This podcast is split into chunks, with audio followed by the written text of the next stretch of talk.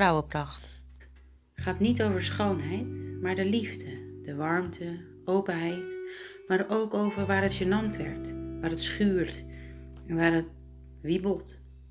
Over hoe het leven echt is.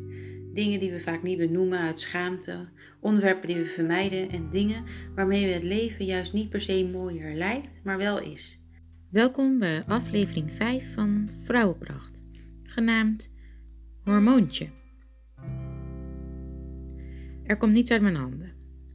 Ik heb geen zin in de was, het huishouden, geen zin in mijn baby, geen zin in werk.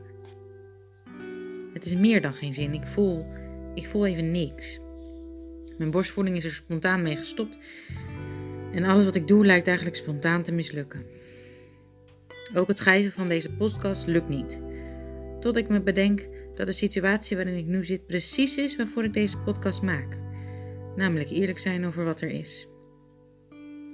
Het lijkt een beetje op die week voor mijn ongesteldheid. Mijn energie is laag en ik loop met mijn ziel onder mijn arm.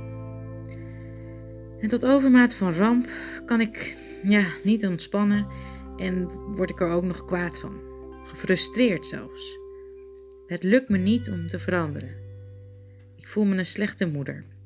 En contact maken met mijn partner lukt eigenlijk ook niet. De spanning in mijn lijf is eigenlijk super groot en mediteren, ontspannen en met liefde naar kijken lukt me echt totaal niet. Sterker nog, ik word er een beetje recalcitrant van. Onze kleine meid heeft elke avond grote huilbuien en wil veel bij mij zijn. Iets wat ik op dit moment eigenlijk maar moeilijk kan handelen. Ze maakt me blij, maar ik voel ook dat ik niet aan haar vraag kan voldoen. Alle hulp die ik vraag aan zowel professionals als vrienden geven als antwoord in verkorte versie. Hormonen, hè? Door mijn hormonen, het ongesteld worden, ondanks de borstvoeding die ik geef, loopt mijn borstvoeding dus niet goed, heb ik stemmingswisselingen en voel ik me slecht. Het doorbreken lijkt lastig, omdat ik zelf bijna niet bewust ben van hoe groot die invloed eigenlijk is. Ik neem nu mee naar een momentje net na mijn bevalling. We zijn net thuis, een weekje ongeveer, en het is ergens tussen 2 en 3. Ik voel verdriet. Heel veel verdriet. Mijn man vraagt me wat er is. Ik voel me stom, dom en raar. Allemaal gevoelens die gaan over mijn moederschap, maar ook over mijn rol als vrouw. Ik ben niet meer nodig. Jullie redden het wel alleen zonder mij.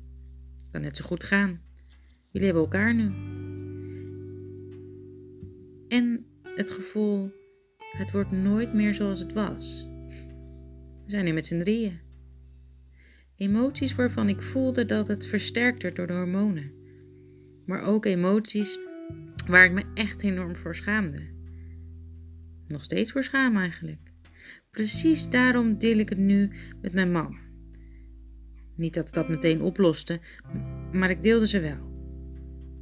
En toen ik de volgende ochtend de kraamzorg kwam, voelde ik helemaal niet meer zo down. En schaamde ik me ook niet meer voor die gevoelens.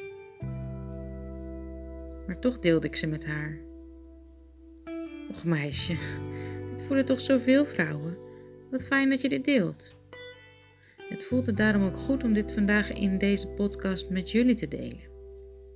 Hormonen doen rare dingen met je versterken je angsten, vechten met elkaar over ongesteld worden of borstvoeding op gang houden, laten emoties nog sterker naar voren komen en geven je het gevoel geen controle te hebben over de situatie. Voel, lieve mooie vrouw, dat dit hormonen zijn. Wees lief voor jezelf en laat die hormonen maar lekker hun ding doen. De docent van mijn zwangerschapscursus zei: Maak je zacht en zwaar en alles gaat voorbij. Is dat voor helpende zin? Het heeft mij in ieder geval veel geholpen. Ik zit op bed en terwijl ik dit schrijf stromen de tranen over mijn wangen. Ik voel ineens hoe nodig het is, hoe nodig ik het heb dat dit tegen mij gezegd wordt. Dus, lieve Mandy, voel, lieve mooie vrouw dat dit hormonen zijn. Wees lief voor jezelf. En laat die hormonen maar lekker hun ding doen. Maak je zacht en zwaar. Want alles, alles lieve man, die gaat gewoon voorbij. Ik adem een paar keer diep in en uit. En er gebeurt precies wat ik niet mocht al die tijd van mezelf. Ik huil. Ik sluit mijn ogen. En ik val in slaap. Deze aflevering werd mede mogelijk gemaakt door mijn liefdevolle man, mijn mooie kleine meisje, mijn hormonen niet te vergeten. En mocht je het leuk vinden om mij te volgen op Instagram, dan kun je dat doen via Vrouwenpracht.